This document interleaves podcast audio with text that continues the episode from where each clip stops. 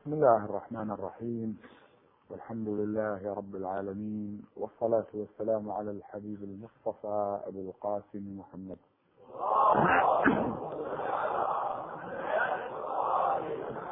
صلى الله عليه وعلى آله الطيبين الطاهرين. بسم الله الرحمن الرحيم. سنريهم آياتنا في الآفاق وفي أنفسهم حتى يتبين لهم أنه الحق. أولم يكف بربك أنه على كل شيء شهيد؟ لاحظوا هذه الآية وكل القرآن عجائب. غرائبه لا تنتهي وعجائبه لا تنتهي له ظهر وله ظاهر وله باطن. ظاهره أنيق وباطنه عميق. وكلما تأمله الإنسان سبحان الله هذه الآية الواحدة التي تقرأها تفتح لك أسرارا بشكل لا يصدقه حتى الرقم القياسي في الوجود. كل ما تتأمل بس تأمل أفلا يتدبرون القرآن؟ الآيات العلامات البراهين الدلائل التي تدل على الحق. الآن أين تكون هذه الآيات؟ مرة تكون الآيات بعيدة عن الإنسان. ممكن يعتذر لله تبارك وتعالى يقول يا رب الآيات بعيدة عني وأنا ما وصلت إليها. وتارة تكون الآيات قريبة ولكنك تحتاج أن تمشي إليها. أيضا ليس كل الناس على استعداد أن يمشي. وتارة تكون على بعد أمتار منك. هذه ما فيها عذر كل واحد يشوف. لكن إذا كانت الآية في نفسك تحتاج أنك تمشي إلها وتبحث عنها. يعني شوف رب العالمين يريد أن يرحمنا. خلقنا ليرحمنا. ما خلقنا للعذاب ولا للحرمان ولا خلقنا حتى يلقينا في نار جهنم. لا والله. خلقنا للرحمة. رب رحوم ودود عطوف أرحم الراحمين أكرم الأكرمين تأملوا العبارات فيأتي بالآيات ويجعلها في نفسك. في نفسك. يعني فقط تلتفت إلى نفسك. أحيانا واحد بيده مسبحة وهو يبحث عنها. شايفين هذا الشيء؟ المسبحة بإيده وهو يبحث في الحجرة في البيت. وين المسبحة مالتي وين هي في يده؟ ساعة بيده يبحث عنها هذا دليل أن الإنسان أحيانا يغفل. هذه النفس التي تنام معك وتستيقظ معك هي لا تنام النفس أنت تنام لكنها معك. تتحرك نفسك معك. تضع رأسك على الوسادة النفس معك. طيب هذه النفس يقول الحق أنه في هذه النفس آيات موجودة تأملها وهذه الآيات اللي في النفس موجودة في الآفاق أيضا. ثم قال سنريهم والسين للديمومة. نحن عندنا سوف نريهم. سوف يعني في المستقبل. ممكن بعد ساعة بعد ساعتين بعد مليار سنة هذه سوف. لما قال له أبناؤه يعقوب سلام الله عليه قالوا يا أبانا استغفر لنا. قال سوف أستغفر لكم. هم طلبوا منه يوم الأربعاء الاستغفار. هو قال سوف أستغفر لكم يعني أخر الاستغفار إلى ليلة الجمعة عند السحر. فإذا في مسافة 48 ساعة فقال سوف أستغفر لكم. بينما إبراهيم يخاطب إسماعيل ولده يا بني إني أرى في المنام أني أذبحك فانظر ماذا ترى؟ قال يا أبت افعل ما تؤمر ستجدني إن شاء الله من الصابرين. لم يقل له سوف تجدني لأن العملية الآن بهاللحظة. متفقين؟ الفرق بين السين وسوف. فالسين معناها الديمومة والحضور والاستمرارية. يعني الله تبارك وتعالى لا يقطع حجته عن العباد لحظة واحدة. لحظة واحدة الله ما يقطع حجته. أول ما خلق الله خلق الحجة المعصوم. واستمر هكذا. وآخر من يخرج من الدنيا ومن الحياة هو الحجه أيضا. تأملوا العبارة. لأنه ما يخلق إنسان من دون حجة من دون إمام. الرحمن سورة الرحمن اقرأوها جيدا. بسم الله الرحمن الرحيم. الرحمن تقرؤونها ماذا؟ الرحمن علم القرآن خلق الإنسان علمه البيان. لاحظوا؟ بدأ بالقرآن. قال الرحمن علم القرآن. فبدأ بالحجة بدأ بالقرآن. لأن القرآن مع العلم يعني الإمام القرآن الناطق. وجود القرآن والإمام قبل الإنسان. الرحمن علم القرآن بعد ذلك قال خلق الإنسان. يعني الإنسان خلقه وهنا موجود قرآن وإمام معصوم وحجة وكل الدلائل والبراهين والآيات التي تدل على وجود الله تبارك وتعالى. فيا ابن آدم لا حجة لك. لاحظوا العبارة؟ فهنا يبدأ يقول سنريهم آياتنا. في الآفاق أول مرة قال في الآفاق حتى يرفع. همة الإنسان ورؤية الإنسان ومستوى الإنسان. الخطاب للنفس وليس للبدن لأن البدن مخلوق من الطين من الأرض. وشغله في الطين ويعود إلى التراب ويتحول إلى تراب. هذا البدن من التراب مخلوق كما هذه الشجرة من التراب. وحاجاته من التراب أيضا. ولذلك عندما تسجد لله تبارك وتعالى تسجد على التراب. تضع جبهتك على التراب.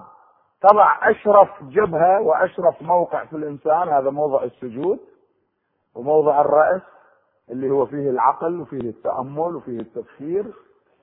فتضعه على أرخص شيء وهو التراب. أرخص شيء وبنفس الوقت هو غالي أيضا. ومن هنا لما تجد الشيعة الإمامية يسجدون على التربة. هذه التربة تربة الإمام الحسين سلام الله عليه. نحن نحتفظ بها في جيوبنا لأنها من أرض طاهرة مقدسة. يمكن أننا نأخذ تربة من أي أرض نسجد عليها لأننا نتعبد بالسنة النبوية الشريفة. لأن رسول الله صلى الله عليه وآله وسلم كما في صحيح الأحاديث وكتب الصحاح كلها من دون ما اذكر اسمائها كل كتب الصحاح تنقل أن رسول الله صلى الله عليه وآله كان يقول جعلت لي الأرض. يقول جعلت لي الأرض ونحن عرب والقرآن نزل بلسان عربي. الرسول يقول جعلت لي الأرض مسجدا وطهورا. يعني أسجد عليها وبنفس الوقت الأرض من المطهرات. الآن لو أصاب قدمي شيء رذاذ من النجاة مثلا. إذا المشي على الأرض يطهر القدم. المشي على الأرض يطهر القدم. الأرض تطهر والشمس تطهر. هذه أشياء معروفة. وهي طاهرة الأرض. جعلت لي الأرض مسجدا وطهورا. وإذا لم أجد ماء فأتيمم. فإن لم تجدوا ماء فتيمموا. فجعل التيمم عند فقدان الماء. تيمموا صعيدا طيبا. فرسول الله كان يسجد على تراب المسجد. ولم يرد في السيرة النبوية الشريفة أن رسول الله صلى الله عليه وآله فرش مسجده بالسجاد الكاشاني الراقي. كمثال أقول يعني ما كان سجاد كاشاني ذاك اليوم. ولم يرد أن أحد الخلفاء الذين تعاقبوا بعد النبي فرشوا المسجد بسجاد أو بأفرشة وأبسط من صوف وكذا كلهم كانوا يسجدون على تراب المسجد. كلهم جميعا لاحظتوا كيف؟ وهذه حقيقة يجب أن تلتفتوا إليها لأنه بعض الناس لما يشوفك تسجد على تربة يقول أنت تعبد هذه التربة فإذا اللي يسجد على شيء يعبده فأنت تسجد على السجادة فتعبد السجادة أنت أولى لأن السجادة أغلى من التربة أغلى يعني غلاء المادة ولا هذه تربة الإمام الحسين أمان من العذاب ملتفتين كيف؟ فالسجود على التراب وعلى الأرض هو من السنة النبوية الشريفة. كل الخلفاء ورسول الله صلى الله عليه وآله وسلم هو الميزان والمعيار كان يسجد على تراب المسجد ويؤكد. حتى أمير المؤمنين علي سلام الله عليه كان يسجد على تراب المسجد فلما ضربه ابن ملجم لعنة الله على ابن ملجم ماذا قال؟ كلكم تحفظون. أخذ من التراب ووضعه على رأسه. وقال منها خلقناكم وفيها نعيدكم تارة أخرى ومنها نخرجكم وفيها نعيدكم ومنها نخرجكم تارة أخرى. فأنا أسجد على تربة لأن الرسول قال الأرض فهاي من الأرض قطعة أخذتها من كربلاء. وتذكرني بالفداء والتضحية وتذكرني بهذه الأرض الطاهرة ثم أستطيع أن أسجد على أي أرض. وأستطيع أن أسجد على شيء لم يؤكل ولم يلبس. أما السجود على ما يؤكل ويلبس فهو حرام.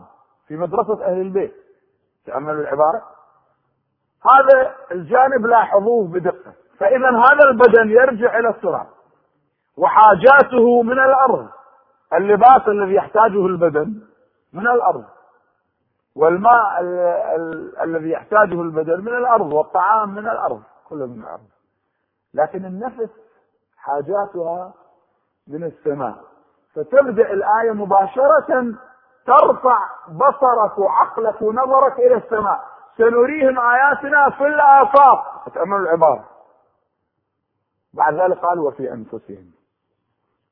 حتى يتبين لهم أنه الحق. وصدقوني يا أحبتي هذه الآية كل الآيات كذلك. لكن هذه الآية سبحان الله لو أنك تأخذ قلم ورقة هذه الليلة وتجلس تفكر فيها تتأملها لاحظ كيف تفتح لك الآفاق. مثلا الآن أضرب لكم مثال. الآية تدل على آية أخرى. الآن نأتي إلى القرآن الكريم وبعدين نخرج نأخذ جولة. لاحظوا؟ لاحظوا التعبير شلون. في القرآن الكريم تقرأ قوله تعالى بسم الله الرحمن الرحيم ولا تنازعوا فتفشلوا. هذه آية. ولكنها أعطت قضية اجتماعية نفسية فيها مقدمة ومحتوى ونتيجة. النتيجة هي الفشل إذا تنازعتم. إذا فماذا نصنع؟ النزاع يحصل ولا ما يحصل؟ القرآن ما يكتفي بالموعظة المجردة. لا. يعني أنا على المنبر الآن أقول للشباب تزوجوا هذه موعظة مجردة. لا يجب أن أضرب لهم أمثلة عملية. يجب أن أقول لهم مثل أعلى في حياتكم. أضرب لهم أمثلة عملية. يكون هناك لجنة زواج موجودة في هذا البلد. تعتمد هذه اللجنة على تزويج الشباب. تعرف البيوتات الصالحة وكل البيوتات إن شاء الله صالحة. تعرف البنات اللواتي في هذه البيوتات مصونات ومخدرات ومحجبات. تعرف هؤلاء الشباب أخلاقهم عملهم. هذه اللجنة كما هي موجودة الآن في في كربلاء في مناطق أخرى موجودة هذه اللجنة. في العراق في إيران في مناطق أخرى وأحيانا في كل شهر عشرات الألوف من الشباب يزوجونهم. اذا هذا الشيء عملي موجود. فلما أنا قلت أيها الشباب تزوجوا هناك شيء عملي ليس مجرد موعظة لأن الموعظه وحدها ما تكفي. هناك بيت للمال موجود وفلوس موجودة هذا الشاب ما عنده فلوس للمهر. يجي علي بن أبي طالب سلام الله عليه يسأل هذا الشاب متزوج في الكوفة؟ يقول يا أمير المؤمنين ما عندي أتزوج تعال معي. فيأخذه إلى بيت المال يعطيه مالا ويكون أحد أصحاب الإمام يسأله الإمام فيعرف هذه العائلة عندهم فتاة صالحة للزواج موجودة.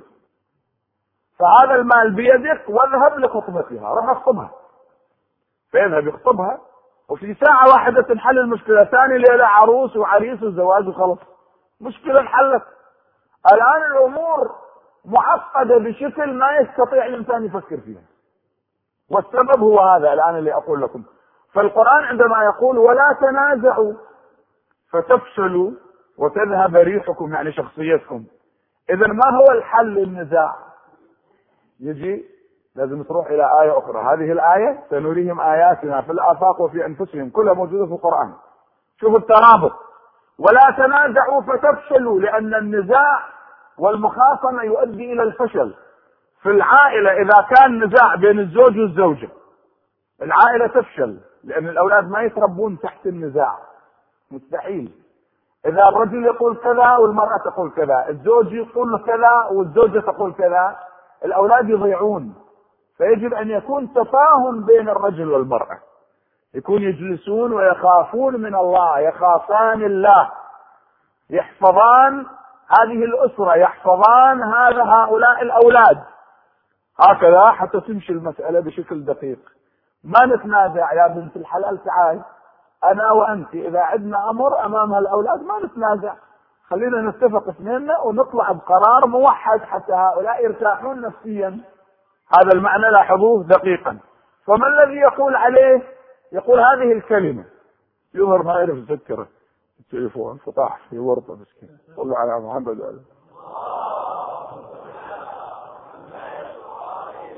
ولذلك لما يدخل واحد للمجلس لازم يغلق هالتليفون يغلقه نهائيا يسكره ويدخل. لأن حتى يتوجه يتوجه لله تبارك وتعالى. بارك الله فيكم. شوفوا المسألة وين. ولا تنازعوا فتفشلوا. أين أذهب؟ قال يا أيها الذين آمنوا أطيعوا الله وأطيعوا الرسول وأولي الأمر منكم فإن تنازعتم في شيء فردوه إلى الله والرسول. إن كنتم تؤمنون بالله واليوم الآخر. ذلك خير وأحسن تأويلا لاحظتم فأين أولي الأمر؟ ما ذكر أولي الأمر في هذه الآية؟ هاي في سورة النساء. يا أيها الذين آمنوا أطيعوا الله وأطيعوا الرسول وأولي الأمر منكم. أولي الأمر موجودين مع الله ومع الرسول. بعدين يقول فإن تنازعتم في شيء فردوه إلى الله والرسول إن كنتم تؤمنون بالله واليوم الآخر ذلك خير وأحسن تأويلا فأولي الأمر وينهم؟ أولي الأمر ما أرجع لهم؟ ما أنت قلت أطيعوا الله وأطيعوا الرسول وأولي الأمر منكم ترك أولي الأمر في آية أخرى ليؤكد الرجوع إلى أولي الأمر بشكل حاسم ما في كلام أبدا بعدها بآيات في نفس السورة يقول ولو ردوه إلى الرسول وإلى أولي الأمر منهم لعلمه الذين يستنبطونه منهم. بين لك أن أولي الأمر علماء فقهاء بحور من العلم. عندهم قدرة على استنباط الأحكام والقدرة على استنباط الأحكام تعتمد على معرفة القرآن وعلوم القرآن واللغة العربية والآداب والفقه. حتى يقدر يستنبط الحكم الشرعي. فبينت الآية أن أولي الأمر علماء فقهاء لأنهم يستنبطون الحكم الشرعي. وإلا كيف يكون مروان بن الحكم من أولي الأمر؟ كيف يكون واحد يصعد المنبر؟ ما يعرف يجيب على سؤال إرث الجدة. الجدة الجدة. يسألوه الجدة إلها إرث قال لا ما إلها إرث الجدة ما ترث فيقوم المغيرة ابن شعبة في المجلس. يقول يا مولانا الجدة ترث قال ها صح شهادتك مقبولة. في آية موجودة في القرآن؟ قال له قال زين إذا نقبل من عندك فهذا يمكن أن يكون من أولي الأمر حبيبي لأنه يقول الله يقول لعلمه الذين يستنبطونه منهم. أولي الأمر لهم قدرة على استنباط الأحكام على حكم القرآن. أنهم ما يتلكؤون بالأحكام بسرعة يعطون الأجوبة. يعطون الأجوبة بسرعة. الآن أحيانا قد تكون فضيلة واحد يصعد المنبر ويتكلم بكلام ويقول بلغني ارتفاع المهور عندكم. الآن أنا لو عرفت أي مهر مرتفع عن مهر السنة لاسترجعته من النساء.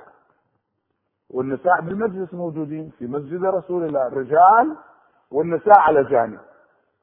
رجال ونساء. حتى ما في حاجز يعني ما يخلون فيما بينهم هاي الملوءة الملاءة التي ضربت للزهراء سلام الله عليها لها حكم خاص. وإلا في مسجد رسول الله صلى الله عليه وآله الرجال هنا والنساء في ذلك الجانب كلهم يصلون. خلاص. حسب الأصول. فقامت امرأة يظهر فقيها. قالت ما كان لك ذلك؟ قال كيف؟ قالت لأن الله سبحانه وتعالى يقول وآتيتم إحداهن قنطارا فلا تأخذوا منه شيئا. القنطار جلد الثور تملؤونه ذهب وفضة وألماس وجواهر للمهر مهر المرأة ما لكم حق تأخذوا. كيف أنت تأخذ المهور إذا كانت مرتفعة؟ فهو الرجل اعترف يعني قال كلمته المشهورة أنه حتى النساء أفقه منه وهذا وهذا أيضا فيه كلام لأن حتى النساء يعني شنو حتى النساء؟ ما هي المرأة والرجل في مستوى واحد في الإيمان والعقيدة. لأنه واحد أحيانا يقلل من قيمة المرأة يقول عجيب حتى هاي المرأة أفقه مني. يعني لاحظ حتى الجواب هو فيه أيضا أبعاد للكلام. لكن مع ذلك يؤخذ أنه هذا نوع من التواضع مثل ما يكتبون عنه. وين اللي يصعد المنبر ويقول سلوني قبل أن تفقدوني؟ سلوني عن طرق السماوات أنا أعلم بها من طرق الأرض. وين اللي مضروب على رأسه بالسيف ومعصب بعصابة صفراء؟ يقول الأصبغ بن نباتة والله ما عرفت العصابة أشد اصفرارا أم وجه أمير المؤمنين علي بن أبي طالب لما دخلت عليه. وسمعته يقول سلوني قبل أن تفقدوني وخففوا سؤالكم لمصيبة إمامكم. حتى في تلك اللحظة.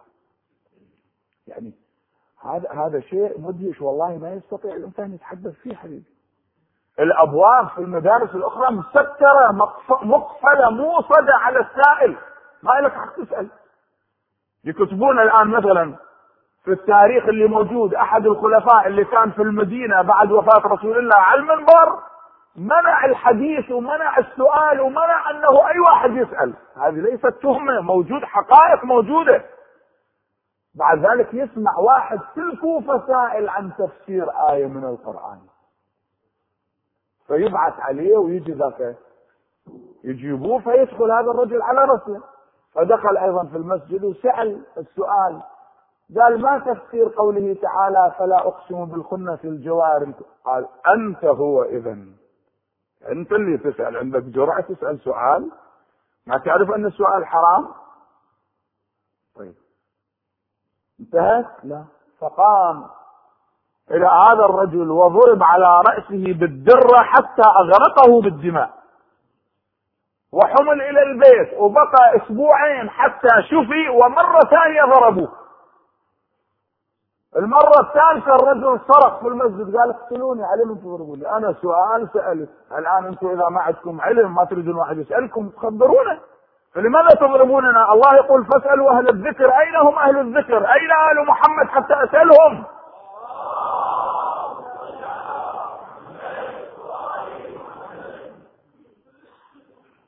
قال له لا طول بعد على هذا الكلام أنت ممنوع عليك دخول مكة والمدينة والكوفة والبصرة.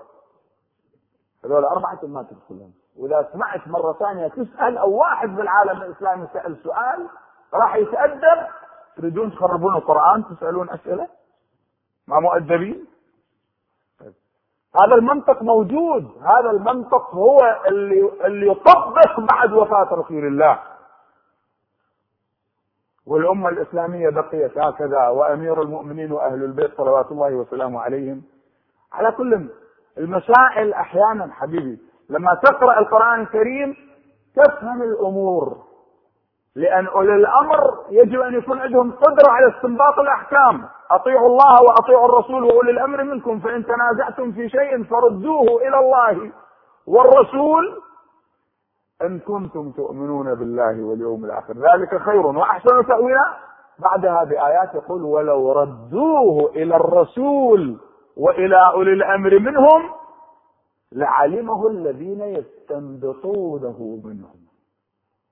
هذا كلام الله من فوق العرش. لاحظتم كيف؟ إذا لاحظت الترابط في الآيات كيف يأتي؟ الترابط اللي موجود. واحد يتأمل هذه الآية. ومن آياته أن خلق لكم من أنفسكم أزواجا لتسكنوا إليها. هذه آية. وجعل بينكم مودة ورحمة. الأسرة آية في القرآن الكريم. الزوجة آية الزواج آية مقدسة. بعدين الله سبحانه وتعالى يبين حب الزوجة لزوجها وحب الزوج لزوجته. يقول وجعل بينكم مودة ورحمة. أحيانا ممكن المرأة تتعرض لبعض المواقف وتكابر وتقول لزوجها أنا أكره أكرهك ولا أحبك. والله أنها كاذبة.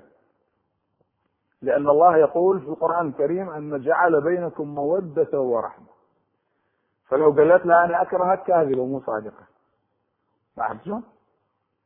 لأنها تخشى على زوجها وعلى بيتها وعلى أولادها أكثر مما يتصوره العقل. هذا رب العالمين خلق المرأة بهذا الشكل. جعلها محطة ومنطلق ومنبع للدفء وال والرحمة والمودة والمحبة. لذلك يوصي الرجال بالنساء ولا يوصي النساء بالرجال.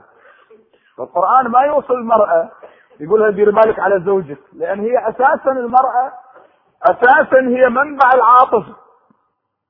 متدفقة بالعاطفة والرحمة والمودة. يوصي الرجال يقول وعاشروهن بالمعروف. لأن الرجل نتيجة احتكاكه بالعمل وبالخارج وبالأمور. أحيانا العاطفة تجف أحيانا. فتأتي هذه الآية ومن آياته أن خلق لكم من أنفسكم أزواجا لتسكنوا إليها. والكلمة أزواج تطلق على المرأة والرجل خطاب للنساء وللرجال. هناك عملية سكن في الأسرة. فهل يجب أن نحفظ هذا السكن وهو آية من آيات الله؟ سكن هدوء هدوء. يعني واحد يدخل الأسرة يكون هادئ. هاي الأسرة تختلف عن المجتمع. المجتمع له موازين. الجهاد والعلم والنضال والغنى وال... الأسرة ما فيها الموازين الأسرة قائمة على أساس المودة والمحبة لأن فيها مخلوق ضعيف فيها أطفال صغار. هذا الطفل الصغير يحتاج إلى هدوء. أحيانا طفل صغير رضيع إذا يسمع صراع وعراك في البيت يصرخ يبكي يبكي الليل كله. بعض الناس يجيني يقول هذا طفلي ما ينام الليل كله. أقول له في شيئين. الشيء الأول أحيانا الطفل يصير عنده مغص أو جوعان أو كذا. فواحد يعالج الموقف. الشيء الثاني قال شنو الشيء الثاني؟ قلت له الشيء الثاني يكون عندك عركة في البيت بينك وبين زوجتك لاحظ شلون؟ فهذا العراك والصراخ اللي موجود في البيت الطفل ما يحتمل العراك والصراخ، الطفل المسكين يريد جو هادئ حتى ينام فلما يصير العراك والصراخ يبقى هذا يبكي إلى الصباح. فهذا وخصوصا إذا الأب يصرخ على الطفل أو الأم تصرخ عليه تريد السكتة يعني. بالصراخ يصيحون عليه اسقط ما يسقط لأنه هذا نوع من إدخال الرعب والفزع والخوف في قلبه. وهو قلبه ضعيف رقيق. كان ينام على دقات قلب أمه كما تعلمون. سبحان الله. يعني هذه الأم المرضع ذكرت ذات مرة لبعض الأخوة لما تأخذ طفلها الرضيع من دون ما تشعر تجعله على يدها اليسرى على جنبها الأيسر. أول ما تحمله للرضاعه وهي لا تدري لماذا. هكذا اشك شلون واحد يستعمل يده اليمنى أكثر من اليسرى أحيانا؟ هذا تجعله هنا. لأنه بهذا الجانب القلب موجود. والطفل عندما يرتضع من الثدي الأيسر يسمع دقات القلب تغذيه أيضا هو ما يريد حليب فقط. يحتاج إلى دقات قلب تغذي روحه تغذي قلبه تغذي عقله. وما يكتفي بهذا يطلع على وجه أمه. لأن هو أول وجه رآه في العالم وجه الأم. أول ما فتح عينه شاف أمه. هذا الإنسان. يبقى مغمض العينين بعد الولادة. يسمع بس ما يفتح عيونه. الان يوم يومين. بعدين يفتح عينة يشوف وجه الام امامه لما ترضع شوفوا شوفوا المعجزة. وهذه الام الأخرى اللي تأخذ الطفل وما ترضع مثلا. تحوله على حليب الحماية هذا مال الصيدلية. لاحظوا فشوفوا الخسارة الكبرى هنا أيضا. لكن الله جعل أنس الأم هكذا. فيطلع على وجهه. إذا كانت منزعجة وغضبانة يبكي. لأنه يحتاج إلى وجه بشوش. بشره ظاهر. بشر الأم. هل الابتسامة في وجهها حالة الانشراح وليس الانقباض؟ تؤثر على الطفل على الطفل الرضيع لأنه يحتاج يحتاج إلى هذا المعنى. شوف القضية وين؟ فإذا رآها فزع أو غضبان يبكي. طفل شريف شوف الآيات يعني أنا أضرب لك أمثلة وأنت الحمد لله ملتفت لهذه الأمور. يعني الآيات يأخذ بعضها بالبعض الآخر لاحظ؟ هكذا. ومن آياته أن خلق لكم من أنفسكم أزواجا لتسكنوا إليها وجعل بينكم مودة ورحمة. ثم يقول إن في ذلك لآيات لقوم يتفكرون. يعني الزواج يرفع مستوى العقل والتفكير. لأن الزواج يحصن الإنسان يحصن الرجل والمرأة. من النظر الحرام من الحسر الحرام من الفكر الحرام من الخيال الحرام من الأوهام الحرام. من تزوج فقد حفظ ثلثي دينه. شوف المسائل كيف. الآن أنتم لاحظوا انطلق. كما انطلقتم من آية النزاع إلى آية أولي الأمر إلى آية الطاعة لأولي الأمر. يعني هناك مرجع لحل النزاع. في الأسرة أيضا المرجع لحل النزاع الزوج الرجل. تأملوا العبارة؟ الرجال قوامون على النساء. بأي شيء قوامون؟ لا يعني أنهم قوامون على النساء بالأذى وإنزال الضرر بالمرأة. لا. مع حفظ الرعاية والعناية والاحترام الكامل للمرأة. هذه القيمومة لأن الرجل ينفق. والقيمومة يجب أن تكون بيد شخص واحد مثل قيادة السفينة. إذا كثر الملاحون غرقت السفينة. الأسرة كذلك يعني صاحب الكلمة في الأسرة يجب أن يكون الأب. وهذا ما يمنع أن المرأة تشترك بالقرار وأن الزوج يشاركها وأنه يعرض عليها الأمور وأنها تبدي رأيها.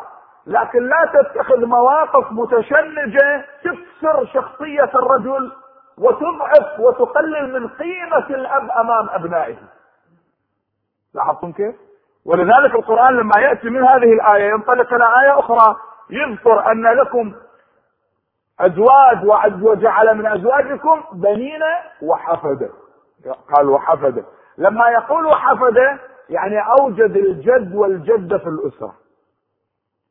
كلمة حفدة في المقابل يعني الجد والجدة موجودين في الأسرة. فالجد والجدة ماذا يصنعان؟ كبر الآن في البيت السجادة مفروشة المصلى مفروش صلاتهم قراءة القرآن الدعاء. يلتفون هؤلاء الأولاد حولهم يعيشون حياة طيبة.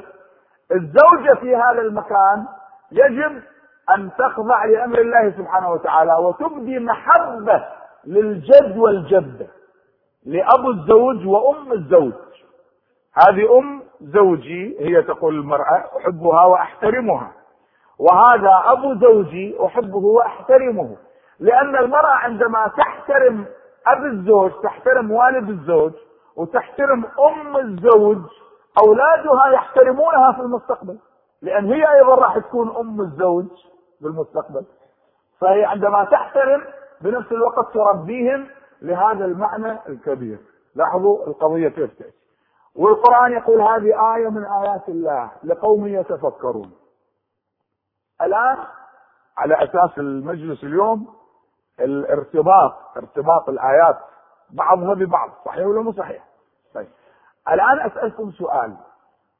إذا كانت الأسرة آية من آيات الله ونحن عندنا آيات الله الكبرى في الكون.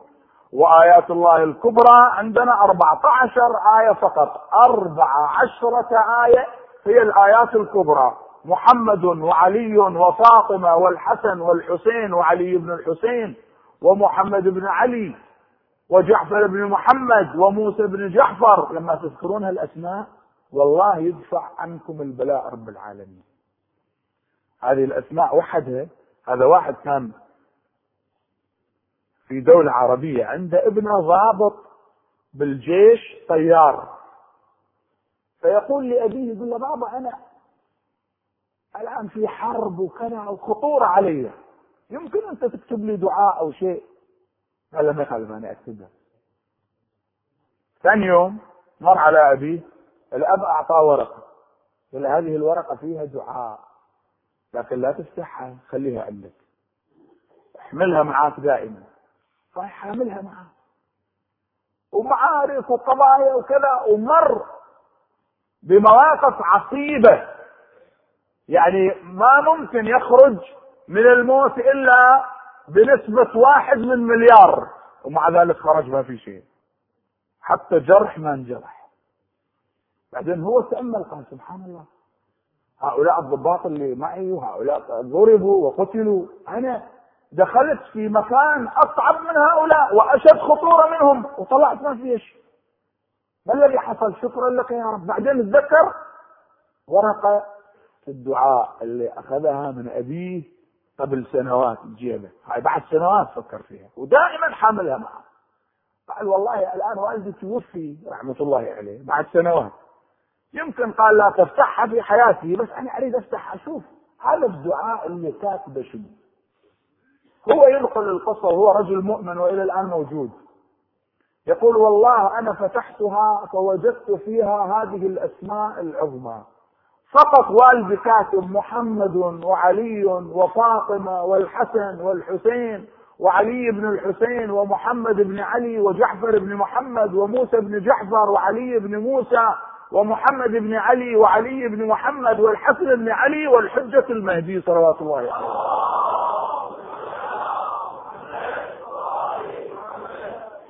هذه 14 اسم كاتبها فإذا واحد مجرد أن يكتبهم في ورقة يحفظوه كيف اللي يكتبهم بقلبه ويخليهم بقلبه؟ كيف اللي يعتز بهم؟ سنريهم آياتنا في الآفاق وفي أنفسهم. إذا كانت الأسرة آية من آيات الله زوج وزوجة رجل وامرأة من سائر الناس مؤمنين مثلنا فتكون آية من آيات الله. فكيف الأسرة التي تتكون من آية كبرى هي فاطمة الزهراء وآية كبرى هو علي بن أبي طالب؟ هذه الأسرة التي تتكون من آيات الله الكبرى. كيف يكون مستواها؟ وأين يكون موقعها؟ من النفوس ومن القلوب وفي الآفاق بحيث رسول الله كما قلت لكم عندما أراد الله أن يريه أهل بيته رفعه إلى الملأ الأعلى. هذه دائما كرروها وركزوها عليكم. ثم دنا فتدلى فكان قاب قوسين أو أدنى إلى ذات المكان. يقول لقد رأى من آيات ربه الكبرى. يعني أهل البيت ما يقدر أحد يعرفهم. إلا أن يكون رسول الله صلى الله عليه وآله يصل إلى مستوى قاب قوسين أو أدنى دنا فتدلى حتى يشوف فاطمة الزهراء وأمير المؤمنين والحسن والحسين لقد رأى من آيات ربه الكبرى. يقول لقد رأيت أهل بيتي يذكر أسماءهم ورأيت ولدي المهدي بينهم واقفا يصلي كأنه كوكب دري.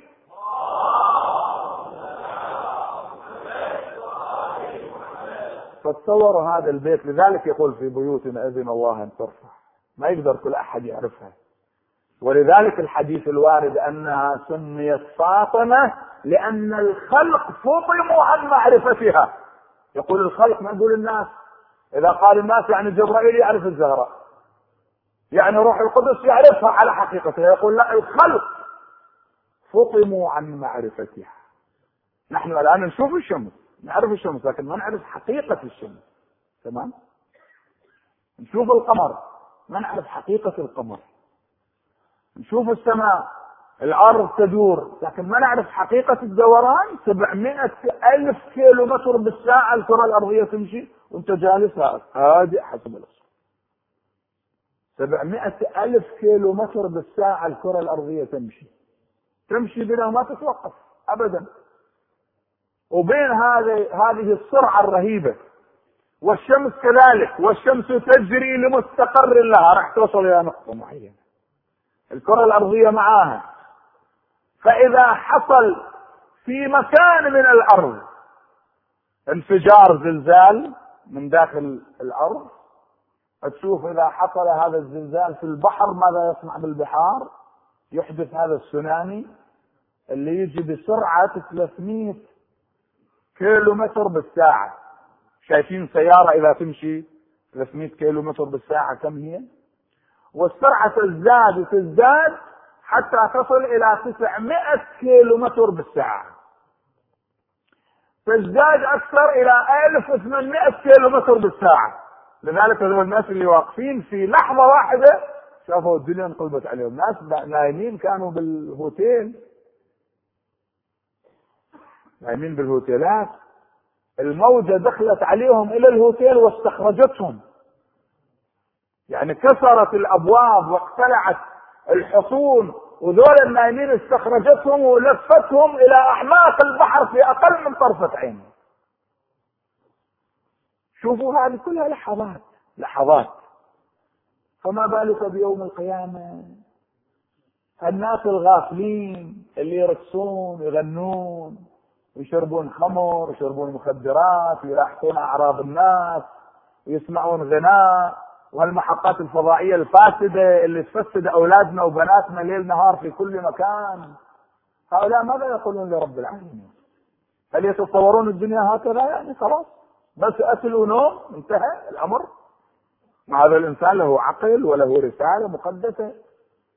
إذا كانت حياتنا قائمة على أكل وشرب ونوم هذه أربعة أشياء أكل وشرب ونوم ومضاجعة. هاي كل الحيوانات بالغابات تسويها. كل الحيوانات. فما هو الفرق بين الإنسان وبين الحيوان؟ هذا الفرق بالعقل بالمنطق بحمل الرسالة بالإيمان بالمعرفة. بعد ذلك تركيز الآيات هذه الآيات. شوف شلون تركيزها؟ منين تجي؟ سنريهم آياتنا في الآفاق وفي أنفسهم حتى يتبين لهم أنه الحق. طبعا. الآن لاحظ تفتح صفحة ثانية في نفس الآية. عند ظهور الإمام صاحب العصر والزمان صلوات الله وسلامه عليه تشوف الآفاق كلها تنقل شخصية الإمام روحي له الفداء لأن ما يطلع ما يطلع بالتلفزيون ما يطلع بالفضائية لأن تصور القناة العربية والجزيرة والكذا يتحدثون خبر عاجل ظهر الإمام المهدي بالحج. يعني هالشكل تصور المسألة؟ لا يا حبيبي مو المسألة فوق ما يتصورها العقل البشري. أبدا. في لحظة واحدة المذيع اللي يذيع نشرة الأخبار مو الجزيرة والعربية ولا القناة الأخرى المذيع جبرائيل. فأول صيحة بين السماء والأرض يا أهل العالم لقد ظهر مهدي آل محمد.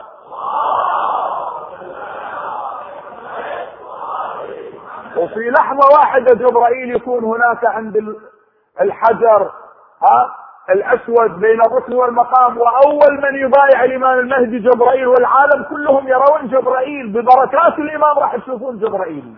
وتشوفون الملائكة لأن إحنا الآن ما نشوف الملائكة. لكن إذا ظهر الإمام الملائكة تظهر معه ونراها بأعيننا. وهذا معناه أن الإمام سلام الله عليه يتصرف بأبصارنا. هذا البصر العين الإمام الحجة سلام الله عليه يتصرف. الإمام له قدرة لأنه يتصرف بعقولنا. فكيف ما يتصرف بأبصارنا؟ إذا خرج الإمام روحي له الفداء يضع يده على رؤوس العباد فتكتمل عقولهم. تكتمل العقول. فيتصرف بأبصار البشر يتصرف بأعمارهم. أعمار الناس الطول تصير طويلة. لذلك دولة الإمام طويلة أيضا. الإمام يحكم آلاف السنين ما يحكم سبع سنين وسبعين سنة. أنا اتعجب من بعض المؤرخين مع الأسف الشديد انه ما عندهم ذوق ابدا. ما عارفين الأخبار. ومتعوا فيها وحتى تمتعه فيها طويلة في الكرة الأرضية. وهذا الدعاء الذي نقرأه ليل نهار. اللهم قل لوليك الحجة بن الحسن. صلواتك عليه وعلى آبائه في هذه الساعة وفي كل ساعة ولية وحافظة وقائدة وناصرة ودليلة وعينة حتى تسكنه أرضك طوعا. وتمتعه فيها طويلة هي سبع سنين طويلة سبع سنين وسبعين سنة طويلة. طويلة هاي مطلقة ما مقيدة. وهذا دعاء وارد عن أهل البيت صلوات الله وسلامه عليهم أجمعين. فالإمام يحكم آلاف السنين. آلاف السنين الإمام يحكم صلوات الله وسلامه عليه. الكره الأرضية كلها العالم كله بيده. سيروا فيها ليالي وأيام آمنين. هذا المعنى. سنريهم آياتنا في الآفاق. يطلع الإمام سلام الله عليه. وفي أنفسهم حبه في نفسك. إذا أنت مؤمن لأنه شيء واضح وإن شاء الله مؤمن. أما غير المؤمن اللي الآن يستهزئ بالإمام صاحب العصر والزمان يستهزئ فيه. لاحظ كيف؟ كان ضابط بال بالأمن العراقي هاي قبل سنين أكثر من 35 سنة أذكر. بعض العلماء كانوا يرزحون تحت وطأة العذاب والألم. فهذا الضابط الكبير الكبير هو بمقاييسه وإلا هو أصغر من الصغير. فيستهزئ بالإمام صاحب العصر والزمان. يقول له هذا العالم يقول له إحنا ألقينا القبض على إمامكم اللي تعتقدون فيه. فهذا الرجل يعني حقيقة انفجر بالبكاء. قال له ها تبكي يعني خايف من قال لا. قال له أنا في حالة الآن أعلم أن الله سبحانه وتعالى سيقسم عمرك اليوم. أنت ما يطول عمرك ابدا. لأن أنا عندي دعاء قرأته الآن وأعرف فذاك خاف هو حقيقة خاف. وسبحان الله في نفس الساعة اللي طلع فيها تعرض لحادث وقتل في نفس الساعة. وقتلة مفجعة قتلة يعني أذله الله. أذله الله أي ذل وأخزاه وأذله. لأنه يستهزئ بالإمام صاحب العصر والزمان آية الله الكبرى في هذا الكون اللي العالم كله ينتظر خروجه وظهوره. الأنبياء كلهم آدم كان ينتظر الإمام المهدي. إبراهيم كان ينتظر الإمام المهدي. نوح كان ينتظر الإمام المهدي. كل أهل البيت ينتظرونه. الإمام أمير المؤمنين يذكره على المنبر ويبكي. الرسول يذكره ويبكي فاطمة الزهراء تذكره وتبكي عندما يتحدثون عن الإمام المهدي يقولون المهدي من ولد فاطمة من عشرة فاطمة ابن فاطمة. يذكرون هذا المعنى الدقيق. حتى تعلم لماذا خلقنا الله تبارك وتعالى. خلقنا ليرحمنا. بس نحتاج واحد شوية يتأمل الأمور هذه. وتمشي. بعد ذلك لاحظ حبيبي سنريهم آياتنا في الآفاق وفي أنفسهم. أقول لك إذا أخذت ورقة وقلم يشهد الله تنفتح لك مئات الأبواب. على هذه الآية بالذات الآن لاحظ فتأخذ الآيات كلها تتجه إلى كربلاء. الحسين سلام الله عليه. فالله الله تبارك وتعالى ما ترك تاريخ الإمام الحسين يكتب فقط ببطون التاريخ بطون الكتب. ما يحتاج انك تذهب لتاريخ الطبري تقرأه عن عن مقتل أبي عبد الله الحسين عن حياة الحسين. ولا تذهب تاريخ ابن الأسير. ولا تذهب إلى البداية والنهاية لابن كثير الناصبي اللي ما يحب أهل البيت. لا اقرأ الحسين في قلبك. واقرأ الحسين في الآفاق. سنريهم آياتنا في الآفاق. هاي الحمرة التي تظهر قبيل غروب طلوع الشمس وقبيل الغروب هذه ما كانت قبل مقتل الإمام الحسين. أهل البيت يذكرونها وحتى علماء السنة والجماعة يذكروها. وعلى الأفق من دماء الشهيدين بالعلاء المعري الأعمى الضرير رأى هذه الحمرة.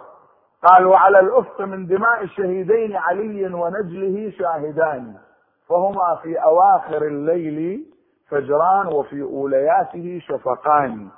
ثبتا في قميصه ليجيء الحشر مستعديا إلى الرحمن. سنريهم آياتنا في الآفاق. هذا الحسين في الآفاق.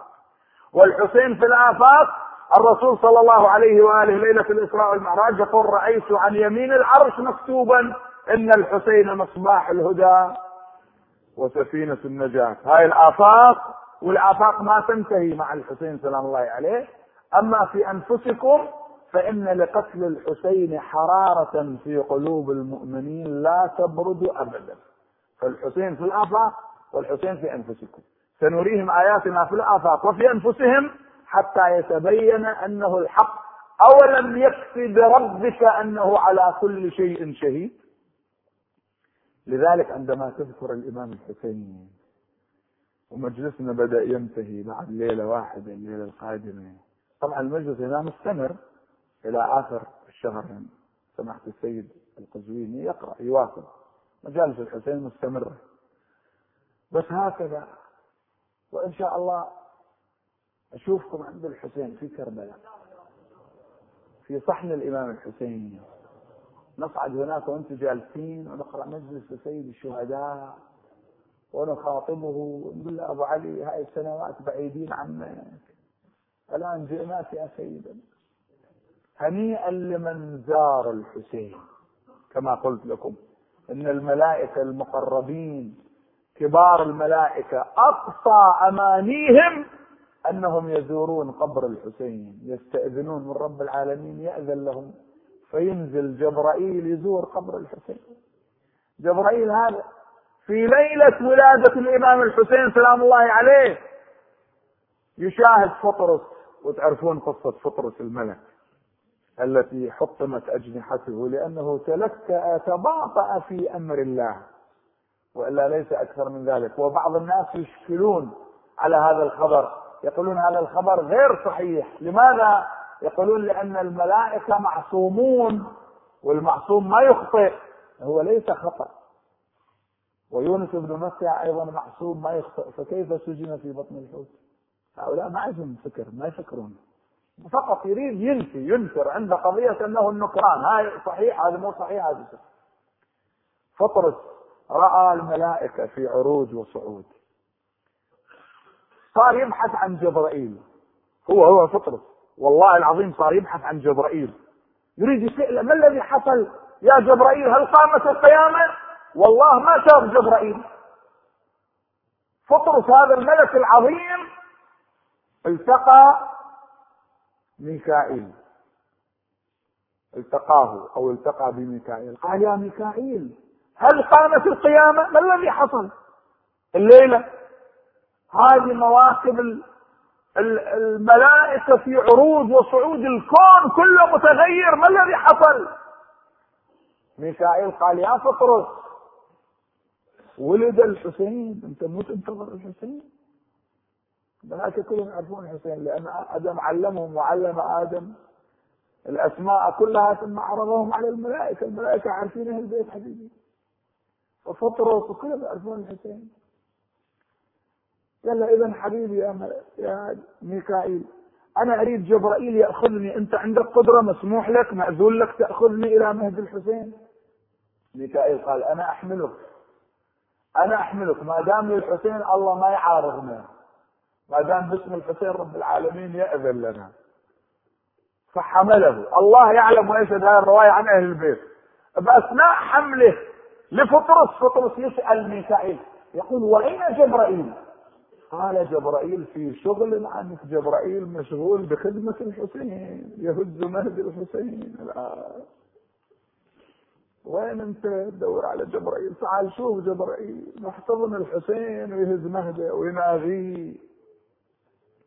لذلك لما شاف الحسين يوم عاشوراء بهذا الموقف الآن هذا فطرس أوصله إلى مهد الحسين بمجرد أن لامس مهد الحسين عادت إليه اجنحته قال يا رسول الله بماذا أجاد الحسين؟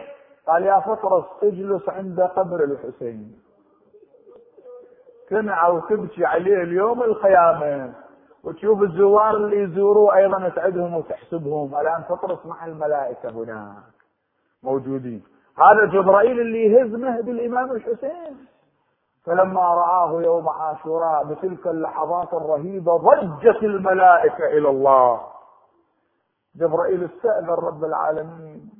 رب إذن اسمح لي أني أنزل عند الحسين. الملائكة نزلوا عند الحسين. يا أبا عبد الله إحنا مستعدين ننصرك.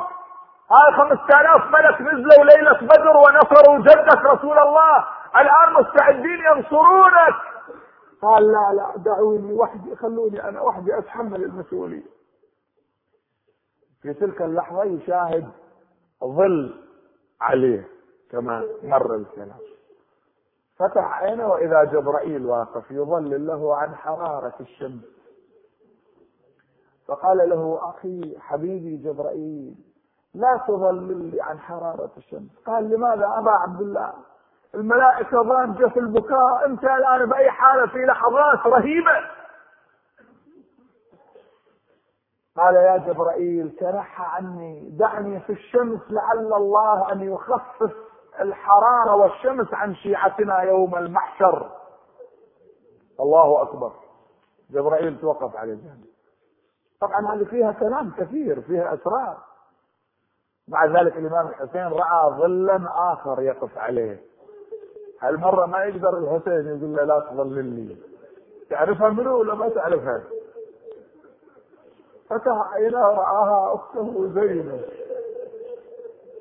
منحنية عليه تقبله مرة وأخرى تقول كلمني يا نور عيني. أخي أبا عبد الله أخي أبا عبد الله أقسم عليك بحق أمنا فاطمة وأبينا علي إلا ما كلمتني فتح الحسين عينه رآها منحنية عليه تقبله مرة وأخرى تقول كلمني يا نور عيني. قال لها أخي زينب والله لقد كسرت قلبي وزدتيني كربا فوق كربي. أخي عودي للخيمة واحفظي لي عيالي وأطفالي. تقول أنا بعيني لباري لك عيالك وبروحي لسكت لك اطفالك يا أخوي الموت لا يرضى بدالك رحنا تركنا بدالك.